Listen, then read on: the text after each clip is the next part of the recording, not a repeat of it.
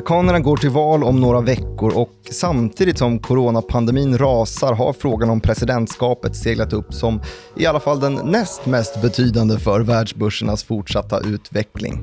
Wall Street tycks ha vänt hoppet mot Demokraternas Joe Biden samtidigt som andra lyfter fram att president Donald Trumps skattesänkningar är vad som ska fortsätta elda på uppgångstrenden. Eller är börsens framtid kanske helt sekundär i ett större scenario där vi närmar oss en stor brytpunkt? Samtidigt som finanstyckare riktar fokus mot vem som är bästa börsalternativet har nämligen olyckskorparna börjat varsla om hög risk för en stökig maktöverföring och befarar inbördeskrig. Därför ställer vi oss frågan, vart är USA på väg egentligen och hur påverkas våra svenska bolag av höstens val? Hej Joakim Rönning. Tjena. Det är skönt att jag har med mig dig i det här avsnittet för du har ju koll på det här med utriken. Det hoppas jag. Ja, och, och det är väl det vi ska prata om idag, tänker jag. Definitivt. Var, var skulle du vilja börja i en sån ände då? Trump versus Biden? Eh, ja, vi kan väl kanske dra en liten snabb genomgång av nuvarande opinionsläge och så kan vi prata lite om opinionsundersökningar överhuvudtaget. Om vi ska tro på dem, för det skulle vi inte ha gjort förra gången eh, när det begav sig. Mhm. Eh, Biden har ju en ganska klar ledning. Han drog ifrån rätt rejält här när Donald Trump fick covid för någon, någon vecka sedan, några veckor sedan. Man trodde ju att han skulle få lite sympatipunkter. Mm, det verkar inte ha blivit så. Nej. Eh, det blev väl istället liksom ganska så komi- tragikomiskt att han åkte på det. Mm. Och eh, det blev väl ett liksom, bevis på hur illa skött, eh, många tog det som en intäkt på hur illa skött han, eh, hans covid-strategi har varit, om den ens har funnits. Mm. Men eh, han har väl hämtat sig lite grann i opinionsmätningarna och även i, om man tittar på börs, eh, eller vad säger jag, betting odds på eh, vem som ska vinna valet.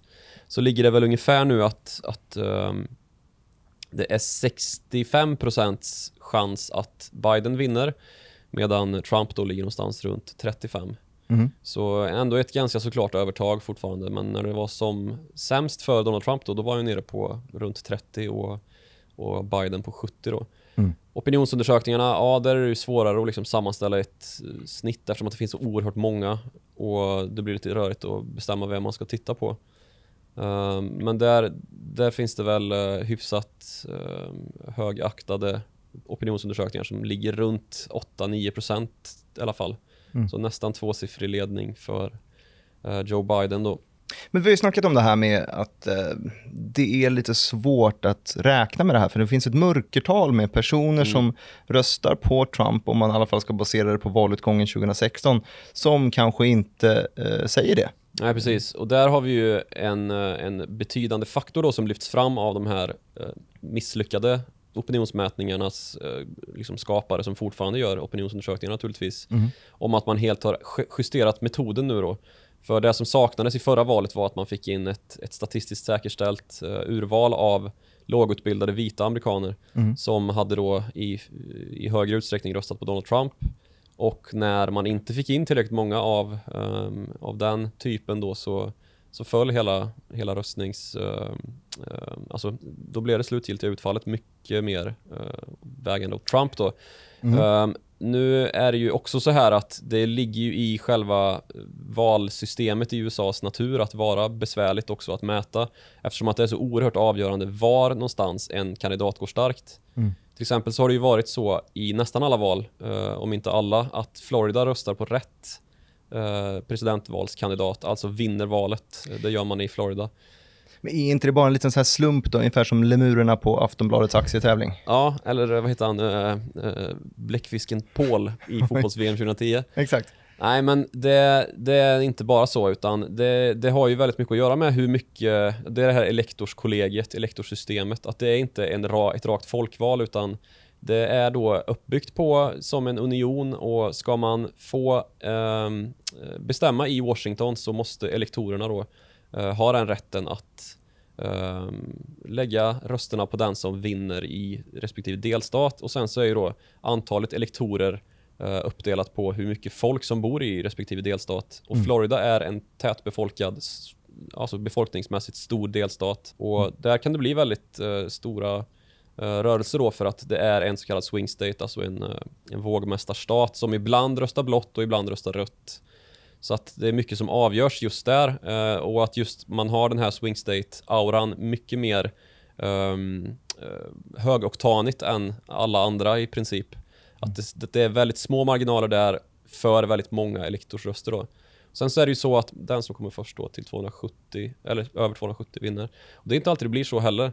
Um, som 2000, 2000 jag ska säga, år 2000, mm -hmm. när det var val mellan eh, Al Gore, Demokraterna och George W. Bush. Just det. När det hela avgjordes i Floridas högsta domstol. Uh, för att det var så svårt att sammanställa resultatet där då. Då föll elektorerna till slut då till George Bushs och Republikanernas favör så det kunde avgöras.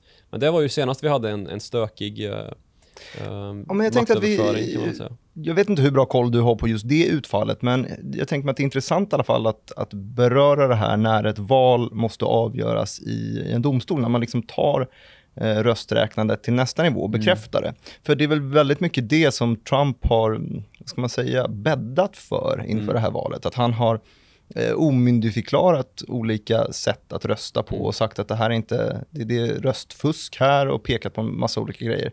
Eh, och det är lite som att man krattar för att kunna säga precis det om det skulle vara så att man förlorar eh, valet. Ja, och man behöver kanske inte vara superkonspirationsteoretiskt lagd för att säga att det är naturligtvis för att han ligger så risigt till i opinionen.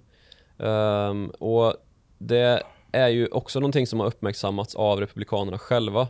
Bland annat har ju alltså senators, eller vad säger jag, um, senatens talman Mitch McConnell som är väl är en av de allra högst uppsatta republikanska politikerna i USA uh, var ju tidigt ute och sa att det blir inget fuffens liksom i, val, i maktöverföringen. Vi har haft liksom välordnade uh, maktöverföringar sedan 1792 och det kommer vi ha även 2020. Mm. Eh, eller 2021 blir det ju de facto för presidenten insvärs ju först i slutet på januari. Eh, Exakt, valet genomförs nu i början av november ja, och sen så har man en liten övergångsperiod här på två månader typ. Ja, två, tre månader till och med och den, eh, den maktöverföringsperioden är det ju många, det är ju det som många är rädda för då. Vad ska hända då? Alltså, eh, historiskt sett så är det en period när presidenter går lite utanför ramarna i regel. Eh, bland annat så eh, gav ju president Obama en sån här presidential pardon, alltså en, uh, vad heter det? Um, man får... Benådning. Man, ja, men benådning, ja precis.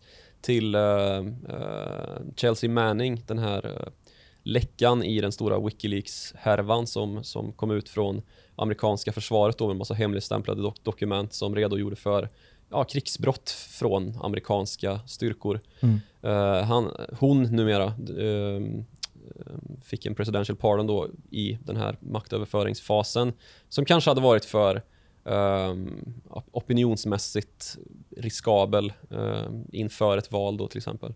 Mm.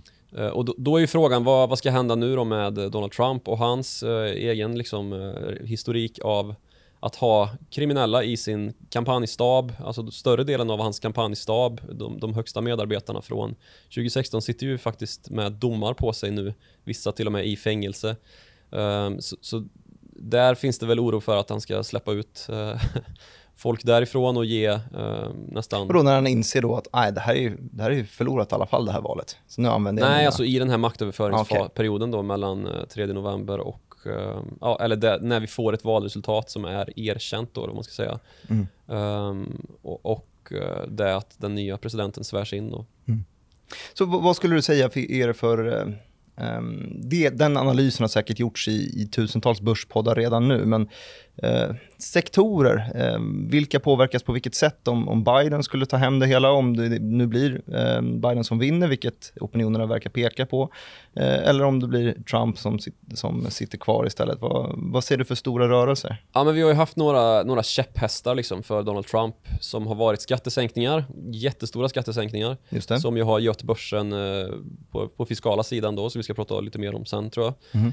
Um, och det, det har ju liksom varit gynnsamt, någonting som alla lyft fram som en, en betydande faktor liksom till att vi har haft de här börsökningarna och det har varit liksom Trumponomics har varit att sänka skatterna i princip för och vissa hävdar att det här har ju bara liksom gynnat de rika och gjort klyftorna större uh, och andra hävdar då att det, det har varit liksom gynnsamt för att det har varit möjligt att anställa nya medarbetare och mm. få ner arbetslösheten vilket ju också har varit en betydande liksom, um, ett betydande resultat av Trumps fortsatta ja, att han har fortsatt den här ekonomiska återhämtningen som Obama-administrationen fick vara med om och vända, då, mm. vända upp efter finanskrisen 2008.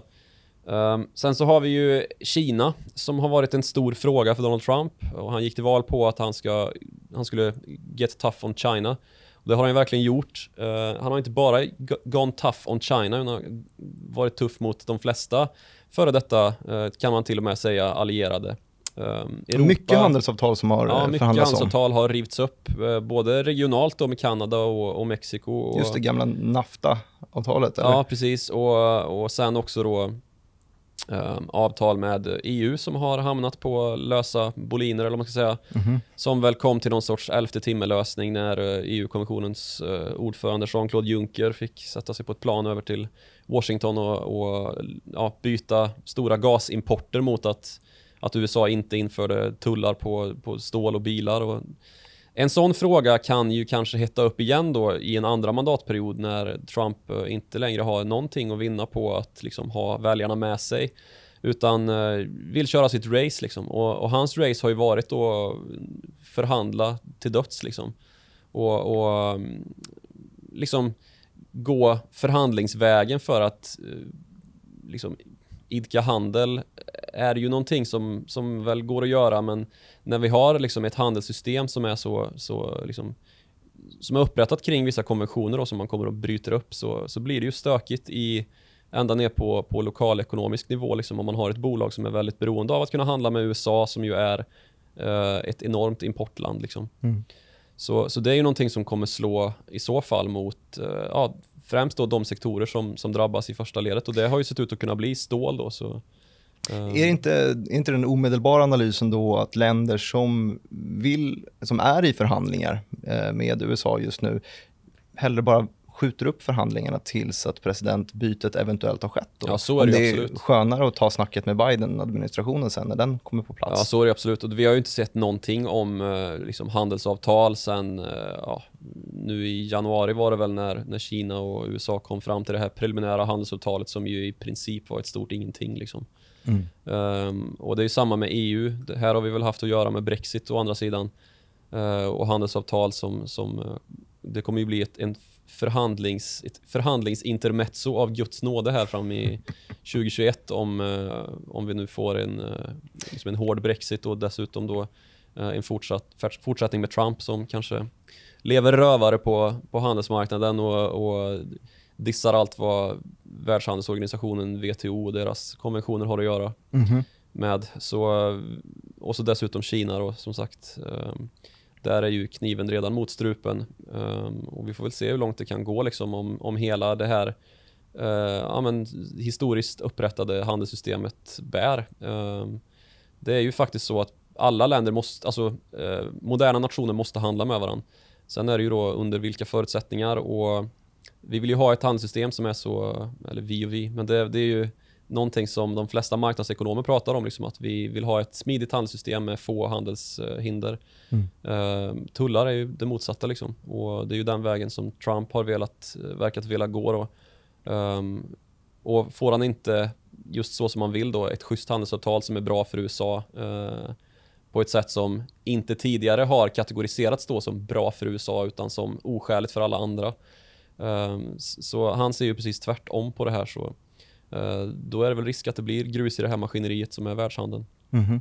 Men eh, det, är väl inte så att Biden har uttalat sig att han kommer hoppa av det där heller och, Nej, gå en mjukare linje. Han vill väl hålla kvar det där också? Det är väl så att eh, Joe Biden är en politiker av mer klassiskt snitt. Han har varit vicepresident i USA och har en, liksom, en, en han har varit politiker i hela sitt vuxna liv egentligen. Mm.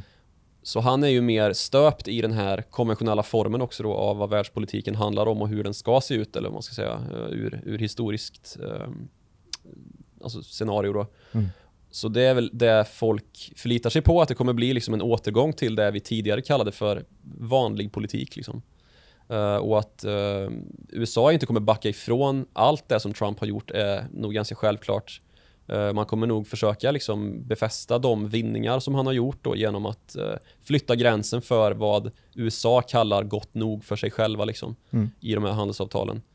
Uh, och sen vad det gäller Kina så är det ju ingen i, i eh, kongressen som tycker något annat än Donald Trump, att man måste liksom få Kina att, eh, ska man säga, skriva under, eller liksom eh, vidta de åtgärder som man har skrivit under på och sluta kopiera och stjäla teknik och um, begå industrispionage för att, för att missgynna utländska bolag och ha liksom reglementen inuti Kina som omöjliggör för utlänningar att äga, heläga bolag och sånt här. Här fick vi faktiskt ett exempel på ett litet eh, sidospår som eh, idag när vi spelar in det här så är det tisdag den 20 oktober är det väl idag. Ja. Um, så kom ju nyheten att eh, Post och telestyrelsen tillsammans med Försvarsmakten har gjort en liten undersökning och väljer att eh, eh svartlista Huawei och mm. ZTE, eh, kinesiska företagen inom ja, 5G-utrullning är väl stora grejen.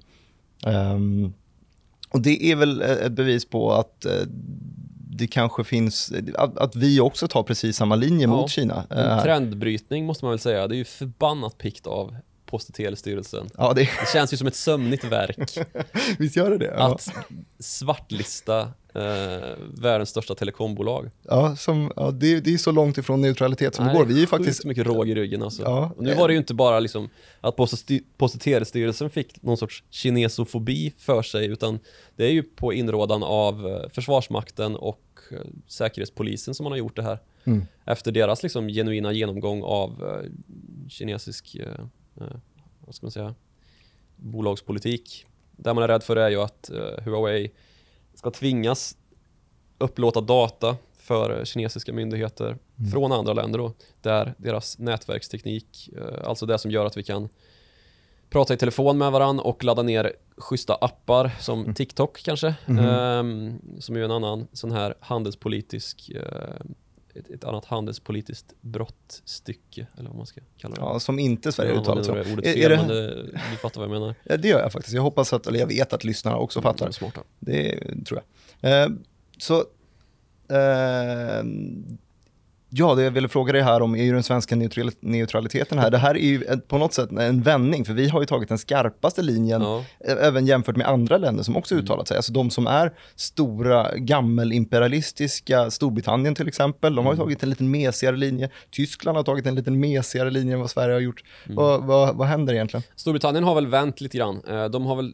intagit en lite mer liksom, vad ska man säga, aktiv hållning mot just Huawei. Jag, vet, jag har inte läst hela det liksom, lagförslaget eller vad det nu landade i. Mm. Men de har ju bestämt sig för att vi ska inte ha Huawei i våra kärnnät. Eh, och att, alltså på vissa sätt så var det här svenska liksom, eh, beskedet idag i linje med det brittiska. Mm. Att man inte kommer tillåta Huawei i 5G-nät, alltså nästan, nästa generations höghastighetstelekom. Mm. Och man kommer också tvinga operatörerna, som ju är de som sitter på ägarskapet över näten, eh, man kommer tvinga dem att demontera 4G-utrustning också.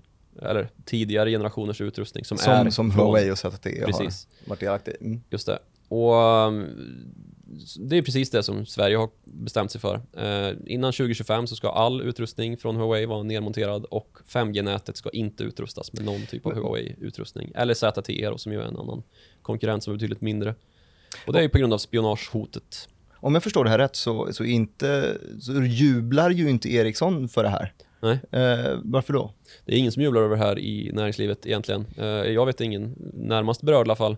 Eh, operatörerna kanske har en del eh, Huawei-utrustning som nu måste bort. Mm. Liksom onödigt, onödig kostnad, allt annat lika. Nettonegativ effekt. Ericsson, ja, det, är väl fler i svenska näringslivet som kanske bör dra öronen åt sig för vad Kina nu kommer göra mot Sverige då. Mm. Man har ju tidigare varit rätt hård mot uh, allt möjligt i Sverige. Kinesiska turister, förmodligen spioner, säger jag utan att veta. Uh, som blir utkastade från hotell, som blir en kinesisk uh, statlig angelägenhet och Sverige smutskastas för just kinesofobi. vi har liksom svenska tv-program som driver med Kina och mm, hamnar i liksom blåsväder mm. eh, där det riktas liksom eh, krav mot svenska staten att liksom, ja, begå censur som vi ju inte gör till skillnad från dem. Eh, kinesiska staten alltså. Så det är, sen så har vi ju bok, bokförläggare som sitter inspärrade som är med svenska pass och så här. Mhm. Så det är ju ett knivigt läge som det redan är och så kommer det här nu då när man eh, förbjuder Kin- Kinas största företag att verka i den interna marknaden. Det är risk att det inte faller i så jättebördig jord i Kina ett sånt beslut. Så Nej, men exakt, det måste ju nog vara svårt för Ericsson i alla fall att få några stora statliga Det kan man ju kontrakt tänka sig i alla Kina fall. nu. Eh, vi får väl se hur det landar det där. Eh, sen så är det ju så att det, det är ju inte eh, det är inte ett unikt beslut och det finns ju betydligt större företag än Ericsson som Kina nu har börjat titta på om man ska föra upp på en sån här liksom hämndlista då. Som, Mm. Eftersom att USA var ju först med de här anklagelserna mot eh, Huawei. Och eh, i, för, att, för att hämnas då att Huawei inte längre får importera chipprodukter och sånt här och ja, men tillverka sin egen teknik längre för att den är så beroende av amerikanska patent att de inte klarar sig med en sån svartlistning då som ju i praktiken gör att amerikanska företag som säljer utrustning till Huawei eh, blir av med sin dollarclearing och inte kan handla överhuvudtaget. Mhm. Ehm, så det finns väl en risk att detsamma händer fast omvänt då. Att, eh, ja, men, ponera att Ericsson hamnar på en lista över otillförlitliga entiteter då som den kallas i Kina. Vågar de det då? Då kommer ju Post och Televerket Ja, upprätta just en egen hämndlista. Ja, och då ligger de risigt till Ja. Kina. När, Mm. när, kan du några fler Nej. kinesiska bolag? Air China. Nej, men vi, vi får se vad som, var, var händelseutvecklingen går där. Eh, jag har inte sett något svar än från Kina. Mm. Men eh, jag kan tänka mig att eh, kinesiska ambassadören kokar av ilska där han sitter i, här i Stockholm. Verkligen. Vi går tillbaka. Eh, för vi, vi, nämnde, vi ramlade in på det här efter att vi snackade om eh, vilka branscher kommer påverkas Mm. om Biden tar makten respektive Trump tar makten eller om ingenting händer. Mm. Eh, har vi några fler sektorer? Ja, vi har ju, alltså stål har vi sagt då och sen så har vi Just ju det. haft en, en stor debatt, eller debatt, ett stort hot hängande över hela EU egentligen.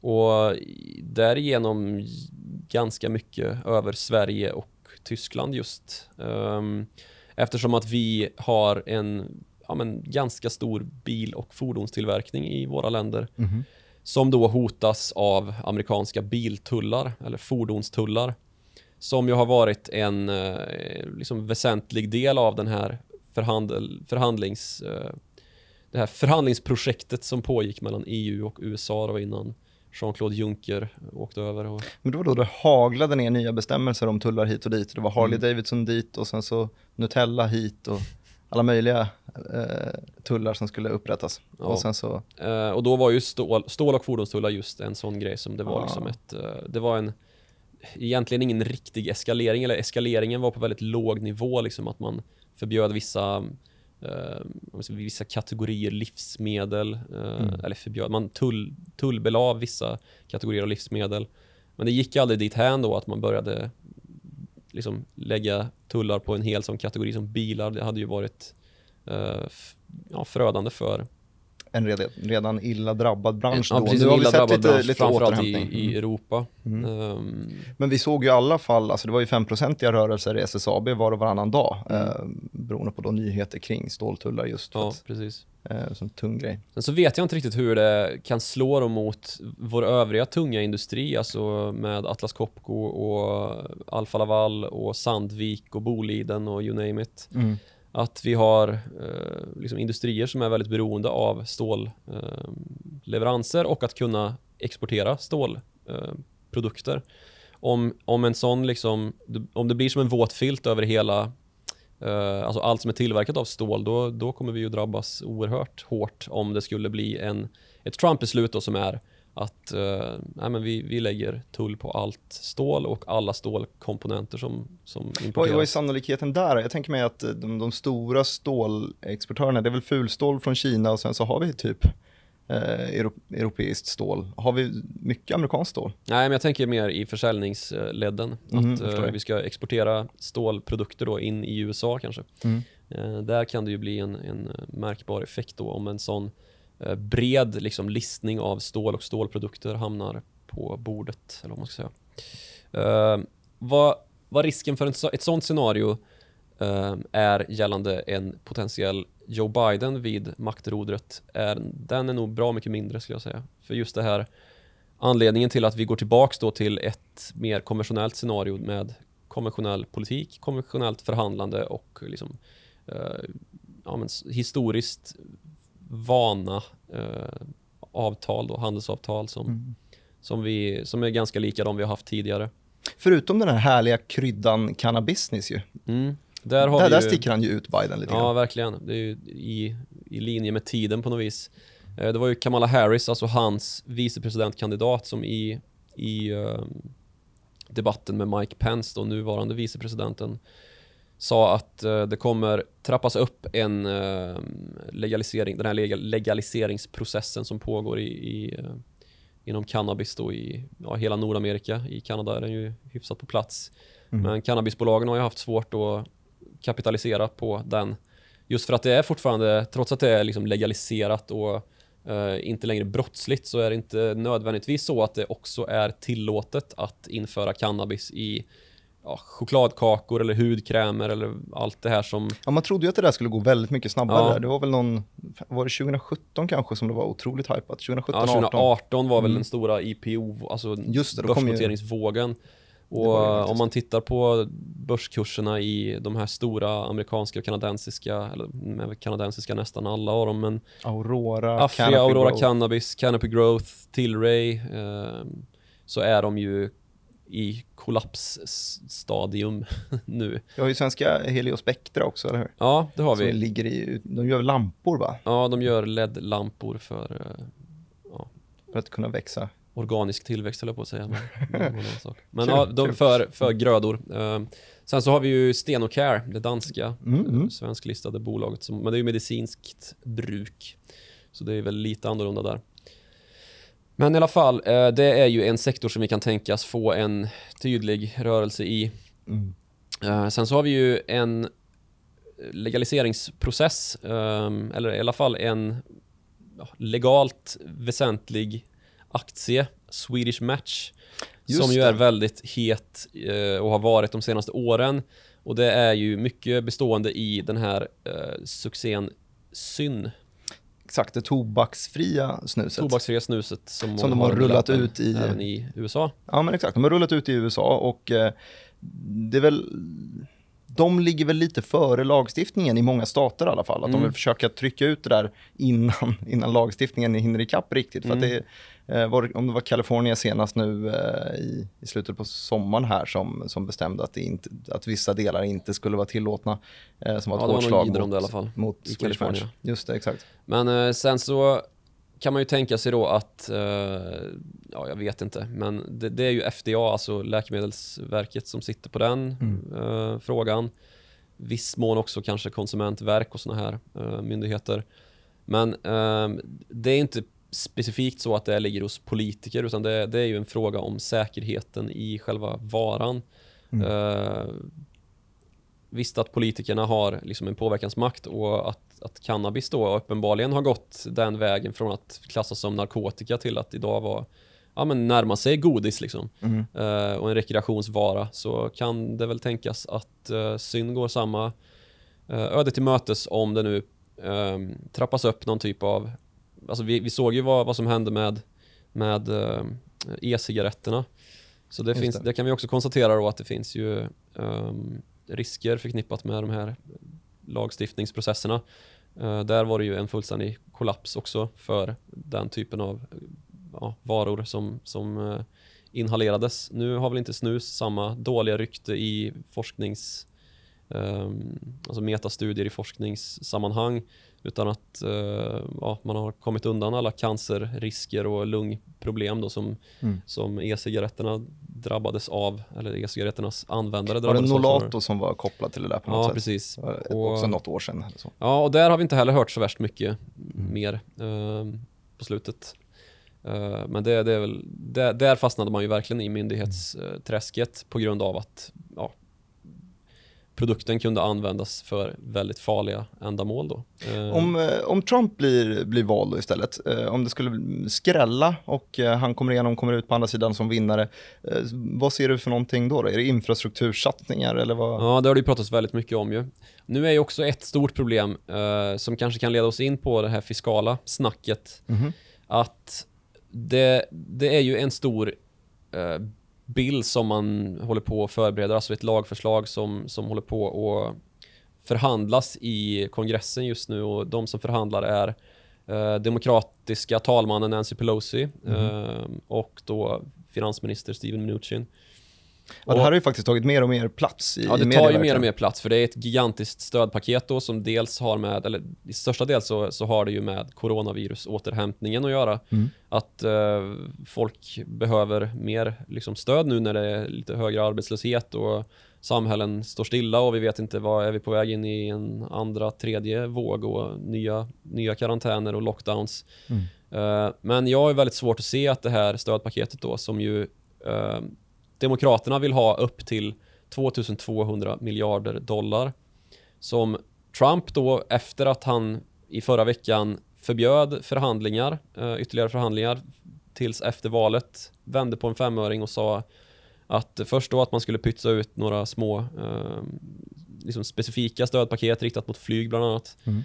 till att då ge ett bud om, jag minns inte om det var 16 eller 1700 uh, miljarder dollar som då har, förnek äh, som då har um, nekats av Nancy Pelosi. Så det verkar ju ändå som att förhandlingar pågår. Det senaste där är väl att uh, vi borde veta när den här podden går live. Mm -hmm. uh, hur det har gått med det där. För i, på, på tisdagen här så gav Nancy Pelosi Steven Mnuchin 48 timmar att komma fram med ett, uh, ett liksom vettigt svar Vad är ditt take på det som objektiv bevakare? Vad tror du? Jag är väldigt svårt att se att det här ska rulla igenom innan valet. Mm. Um, så att, så att liksom börsen får ytterligare 10% uh, eh, och, och liksom göda Trumps Trumponomics med. Um, så vi får väl se hur... Stimulera. Ja, ja men det, så... det, det, finns ju en annan kraft bakom det här. Jag som, som uh, engagerar mig ganska mycket på makrosidan av det hela, så är det ju den här hela effekten av Uh, ja, men spelet mellan centralbanker och uh, finanspolitiken helt enkelt. Alltså de två olika sätten man kan stimulera en, en ekonomi på. Så, så uh, har centralbankschefer, Stefan Ingves inkluderat, uh, alltså ECB-chefer, Fed-chefer har hela tiden nämnt det här att eh, marginalnyttan av centralbanksstimulanserna, alltså marginalnyttan per nytryckt eh, centralbankssedel mm. börjar bli försvinnande liten. Och det märker man alltså på det sättet som man ser hur, hur mycket nya pengar man var tvungen att trycka under, sig efter finanskrisen 2008 jämfört med hur mycket nya pengar man måste trycka idag för att få samma, eh, samma marginalnytta, samma effekt på marknaden. Jag läste en sån här alltså mindblowing statistik av eh, Nordeas eh, räntestrateg, Andreas Sten Larsen, som hade räknat ut lite ungefär hur många nya nytryckta dollar som hade eh, kommit till marknaden. Och då visade det sig att 20, eller om det var 22 procent av alla amerikanska dollar mm. har skapats under 2020. Och det ger en liten, liksom, litet perspektiv på, vi vet ju hur länge dollarn har funnits och vi vet hur länge den också har varit backad av guld. Det har den inte varit eh, under den senare delen av, av, den moderna tiden och så vidare. Mm. Men den grejen gör att visst, man, man, kan ju, 20% betyder inte stoppet eller om det var 22% nu, man kan ju säkert trycka upp till 45% eller 60% eller 300% men någonstans, någonstans tar det stopp. Eh, och marginalnyttan för nytryckta centralbanksedlar blir alldeles för liten jämfört med marginalnyttan av finanspolitisk stimuli, där man mm. alltså tar på sig en skuld för att göra en investering snarare än att trycka upp nya pengar för att göra en investering. Mm. Eh, och de här centralbankscheferna då, de ser ju, ser ju det här, så vi är ju oroade för det och eh, vädjar till politikerna att det är dags att, att ge finanspolitisk stimuli istället. Och i Sverige inte minst, där vi sitter på statsskuld på vadå, mellan 30-40 procent. Det, är liksom, mm. det är ingenting. Vi, vi borde eh, låna upp oss för att stimulera ja, oss ut och det, ur den här krisen. Vi ser ju verkligen den här effekten i realtid också. Om det kommer uh, uppgifter om ett stöd, alltså ett uh, uh, stimulanspaket som är mindre än vad marknaden har väntat sig så, så, så blir, kan det bli en negativ börseffekt och en negativ valutaeffekt då i vissa fall. Ja. Just för att man har förväntat sig att eh, stödhjulen ska vara större liksom. Ja, men det är ju inte en marknadsekonomi längre, utan det är en stimulansmarknadsekonomi. För man lägger ju pengarna där man tror att stimulanserna kommer hamna. Mm. Det är inte en, liksom en helt fri marknad på så sätt, utan men man, man läste ett, eh, ett uttalande av Christine Lagarde eh, för eh, ett tag sedan i, i tidningen i alla fall, där hon... ECB-ordförande. Exakt. ehm, eh, vä- eller planerade att kanske använda sådana här nytryckta pengar, stimulanspengar för att stimulera eh, gröna obligationer eller gröna sektorn istället. Och då flödar ju pengarna till den gröna sektorn. Alltså man styr pengarna vart de hamnar, man styr vilka typer av investeringar som är eh, lönsamma efter var stimulanserna hamnar. Det är som när eh, vi fick nyheten att vi skulle börja köpa eh, företagsobligationer. Då kollar man igenom listan på företagsobligationer. Vilka är det som är i skottgluggen här? Vilka är det centralbankerna siktar på att köpa? Eh, är, det, är det Volvo, och H&M och Investor? Eller vad, vad är det man liksom, vilken typer av företagsobligationer är det som kommer dra nytta av det här? Eh, och så köper man in sig på det. Och nu vet jag inte om det är, någonsin har varit eh, tal om några av de bolagen, men det är verkligen stimulansstyrt. Man sitter och tolkar de här meddelandena och verkligen försöker lista ut var är det pengarna kommer hamna. Och det är inte en marknadsekonomi, det är en stimulansekonomi. Ja, man, stimuler- man, man, man spekulerar om vad folk ska spekulera om när stimulanserna kommer. Exakt så. om stimulanserna är tillräckligt stora. Och vi, har, vi brukar ju skoja om att eh, när vi inte vet vad vi ska prata om i podden så brukar jag vräka ur mig gröna obligationer för att det känns så ointressant. Det är det ju inte ur Det är det den verkligen aspekten. Eh, och att man kan börja prata om bubbelrisk då i det som vi kanske behöver allra mest för att överleva på lång sikt, alltså gröna satsningar. Eh, om vi kanaliserar in allt för mycket pengar i, i bolag som inte är redo för, eh, eller liksom är klara för nästa steg så, så kanske vi inte borde ha gjort det. Satsat så mycket då i just den eh, sektorn. Eller i- på ett specifikt bolag då, utan att nämna någon eller några namn. Men eh, det kanske vi kan ta en, en, ett kommande Det poddavsnitt kommer om. komma ett kommande av, på, poddavsnitt om gröna obligationer, var så säker. Men eh, vi landade i, när jag hoppade in i centralbankssnacket, så var vi på ett, eh, på, var vi på ett fiskalt stimuli, ett infrastrukturpaket i Just det. USA och vi försökte koppla den till Skanska. Mm, det borde vi göra. Ja. Ja. Sen så har vi ju eh, en pågående debatt om läkemedelsbolagens eh, vara och icke vara med marginaler på en miljard procent. Men dog inte den debatten i samband med att Bernie försvann ur eh, Precis, valkampanjen? där har vi ju en väldigt nettopositiv effekt för läkemedelsbolagen att det inte blev Bernie Sanders som ställdes mot Donald Trump eftersom att Bernie Sanders ville sabla ner eh, marginalerna rejält genom då att stärka upp eh, eh, alltså Obamacare var det väl fråga om egentligen. Alltså ett eh, statligt finansierat skyddsnät för amerikansk hälsovård och amerikanska människors hälsa kort och gott. Det är väldigt försäkringsdrivet och privat eh, på, på, ligger på ett, en väldigt, ett väldigt privat plan där, särskilt om man jämför med socialdemokrati i Sverige och andra europeiska länder ju. Mm. Eh, Men den frågan har ju verkligen kommit på kant nu då och dessutom fått hjälp av um, coronapandemi. Det är ju kanske inte det första man tänker på att man ska gå in och lagstifta bort läkemedelsbolagens eh, vinster i tider av pandemi. Eller? Nej, nej, verkligen inte. Eh, de ska ha lite annat att syssla med kanske man tycker istället, resonerar vi, jag. Ja, så, kan det ju, så kan det ju kanske vara i alla fall, Eh, om man tittar på det rent överskådligt. Sen är det naturligtvis så att den debatten kommer väckas till liv igen och vi kommer inte ha pandemi för evigt förhoppningsvis. Ehm, men som sagt, det, då är det ju för läkemedelsbolagen tur att eh, det inte är Bernie Sanders som sitter vid rodret och för folk som vill ha läkemedel så är det ju synd kanske. Mm. Ja, så, så är det verkligen. nu har jag fulskrattat in i micken också här när du överraskade mig lite. Men jag tänkte på en sak nämligen. Eh, och det är det här mellanläget. Det som marknaderna är allra, allra mest rädda för Mm. är väl just om det här maktöverförandet inte går rätt till. Om det, som, som vi nämnde här. Och i, eh, i det värsta scenariot så har du ju till och med, jag nämnde i introt snackat om inbördeskrig. Vad, vad menar vi med inbördeskrig? Ja, vi menar att eh, det blir krig i USA inbördes.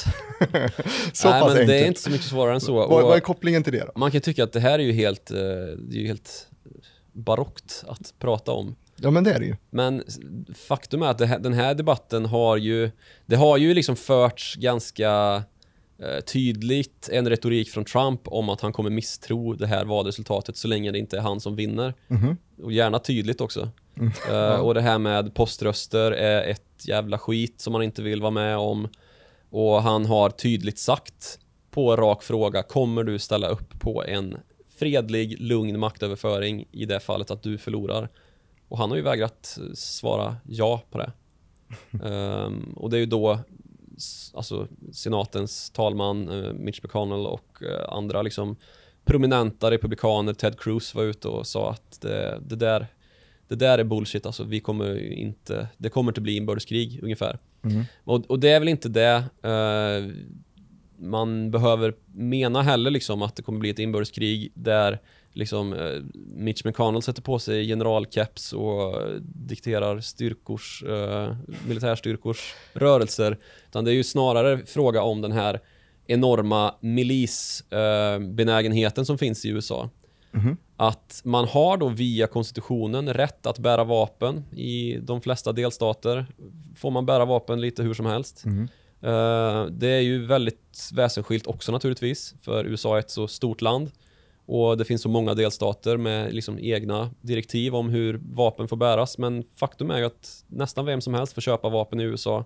Och det är inte vilka vapen som helst liksom. Och den här debatten om att man ska till exempel då förbjuda eh, liksom konsumenter att köpa höghastighetsvapen. AR-15 är ju ett sånt här liksom skolmassakervapnet nummer ett. Att det ska förbjudas. Och då rycker ju vapenlobbyn ut, eh, NRA, National Rifles Association, eh, med liksom eh, pompa och ståt och ser till att politiker då som har eh, som stöttas i sina valkampanjer av NRA som ju är ett oerhört liksom, välnärt eh, väldigt, väldigt välnärd organisation finansiellt och Mm. har liksom maktmuskler därigenom. Och de ser till att få sådana här liksom, lagförslag nedskjutna tidigt. Liksom. Så det har ju aldrig gått att, att komma runt det här um, vet du det, tillägget i konstitutionen.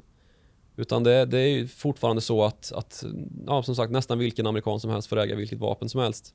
Och det ger en liten läskig edge så Det gör ju det ens börjar Och- viskas om inbördeskrig. amerikanernas liksom rätt att, alltså det är ju som en försäkran då mot att en korrupt och eh, våldsam regim, tyrannisk regim som potentiellt då ska kunna växa fram i, i Washington alltid ska kunna eh, mot, eh, alltså bestridas, alltid ska kunna liksom kämpas ner av den här folkliga milisen då. Mm. Så att folket alltid ska ha styrande rätten i slutskedet. Nu är det ju inte så att eh, en majoritet av amerikanerna tänker rycka ut i ett inbördeskrig. Eh, Men faktum är ju faktiskt att USA skapades av en, eller blev ett självständigt, en självständig federal union efter ett, eller flera egentligen, inbördeskrig. Mm. Och the founding fathers skrev ner den här konstitutionen.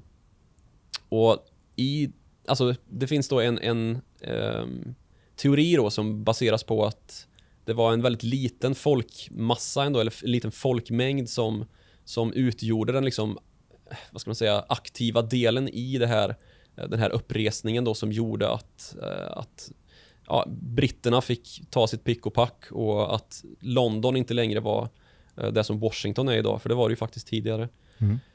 Och det var ju den här, de här 3 procenten, det finns då idag en, en rörelse som kallar sig för just the 3% movement då som, som står för just att... eh, Det är inte nu, inflationsjägare. Utan Nej, det, det, är annat. det är det inte. Det är makt, maktgiriga unga vita män Mm. med vapen.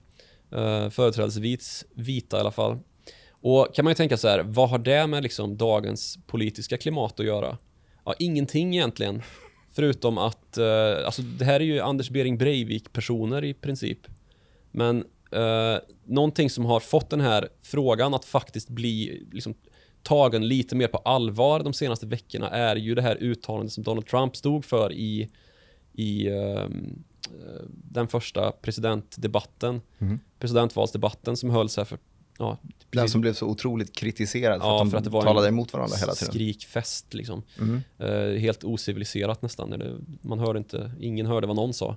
Förutom några ord då. då. Förutom några ord ja, där, eh, på, där det diskuterades då just med liksom, maktöverföring och ehm, hur gör vi om, om någon vinner och eh, den andra vägrar. Och det började kastas liksom skit på att Eh, Donald Trump inte har tydligt i alla fall eh, enligt många eh, avsagt sig all typ av ska man säga allians med vitmaktsgrupperingar. Han har ju liksom en historik av att ja, sväva på budskapet med var han egentligen står då i förhållande till sådana här riktigt vidriga eh, organisationer, vitmakts, eh, alltså Ku Klux Klan och, och dylikt. Mm. Och allra mest fick ju den här frågan uppmärksamhet, eh, i alla fall innan den här valrörelsen, 2017 då när vi hade de här Charlottesville-kravallerna. Där då en, en rörelse hade kommit, alltså där staden hade kommit fram till att vi ska demontera eh, statyer av eh, sydstatsgeneraler då som hade kämpat för sydstaterna under inbördeskriget på 1800-talet då när det som ledde fram till att slaveriet eh, eh, ja, försvann Mm. i USA. Och det väckte ju väldigt mycket olust hos eh, eh, ja, republikanska krafter, eller republikanska, vad ska man säga? Det är inte nödvändigtvis så att det var ju republikanerna som övergav slavsystemet till exempel. Eh, men alltså det väckte ont blod då hos sydstatare som har eh, en väldigt liksom, ja men ett arv av de här bomullsplantagen och eh, på något vis är stolta över det liksom. Mm. Och det utbröt kravaller. Um, Antifa kom ut på banan ordentligt i USA för första gången på ganska länge.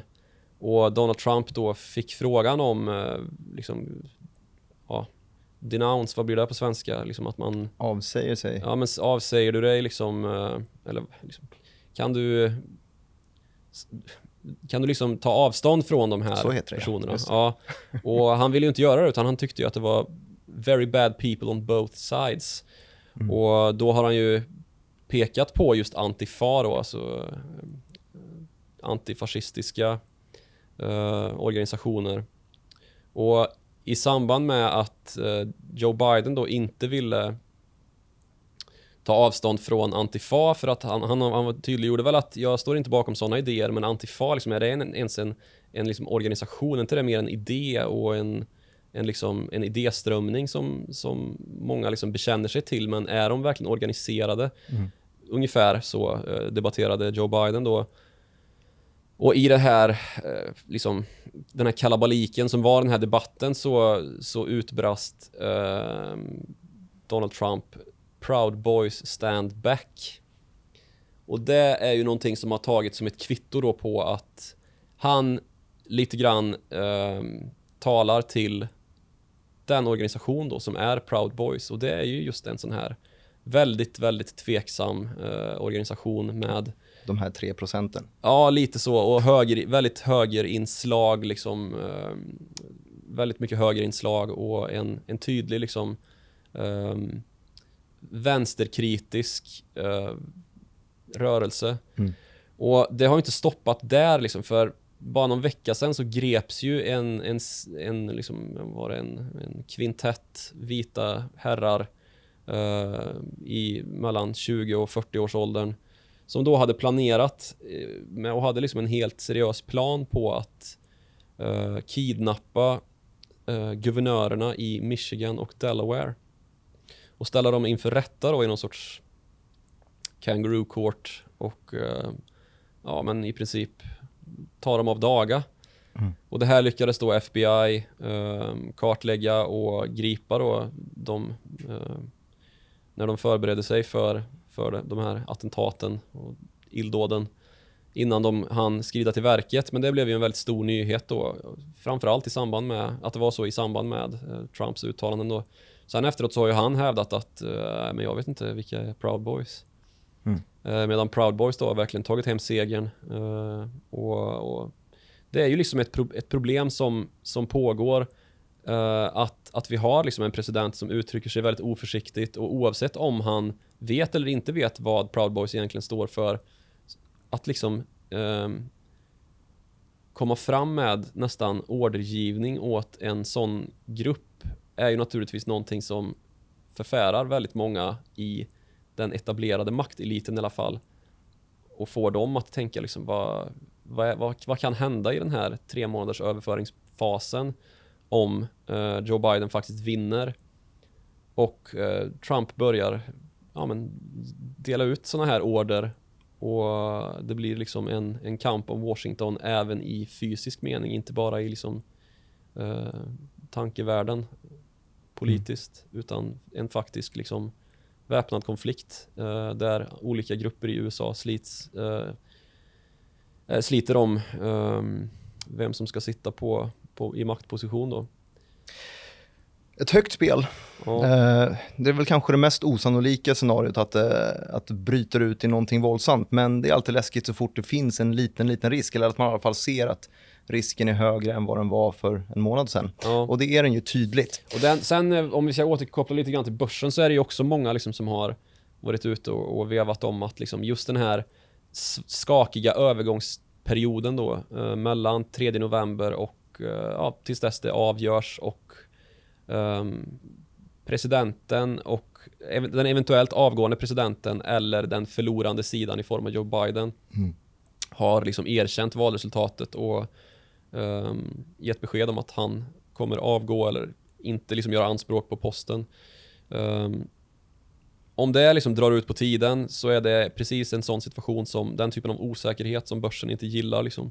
Och särskilt om det ska dras i långbänk hela vägen upp till högsta domstolen och då ska vi liksom säga att det är inte bara liksom delstatsdomstolarna som det här kan hamna i utan det kan, gå hela vägen upp. Mm. Och där har vi också då liksom den här debatten om, eh, om Amy Coney Barrett då, som är den nya eh, högsta domstolskandidaten som Trump då mot eh, tidigare praxis har fört fram som, som, eh, som kandidat och som kan kunna ta plats då i högsta domstolen i, i USA och indirekt då kunna medverka till ett, eh, ett valavgörande där då en högsta domstol har eh, ja, men absolut majoritet av republikanskt tillsatta eh, domare nu efter att uh, Ruth Bader Ginsburg gick bort här.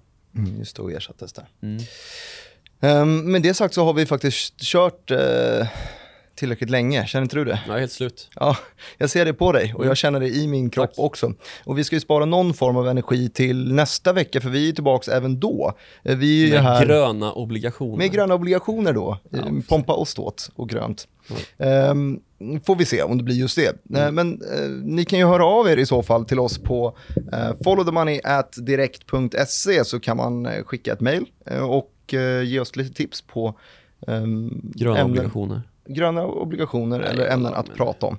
Um, och eh, man får också, om man kollar på oss via YouTube så får man gärna skicka en kommentar där, klicka tumme upp och eh, man når ju oss på Twitter som vi har nämnt varje gång. Dig når man på snabel Joakim Ronning. Och dig på Direkt Martin. Det gör man. Mm. Fint. Hörni, vi är tillbaka om en vecka. Vi ses då. Ha det gött.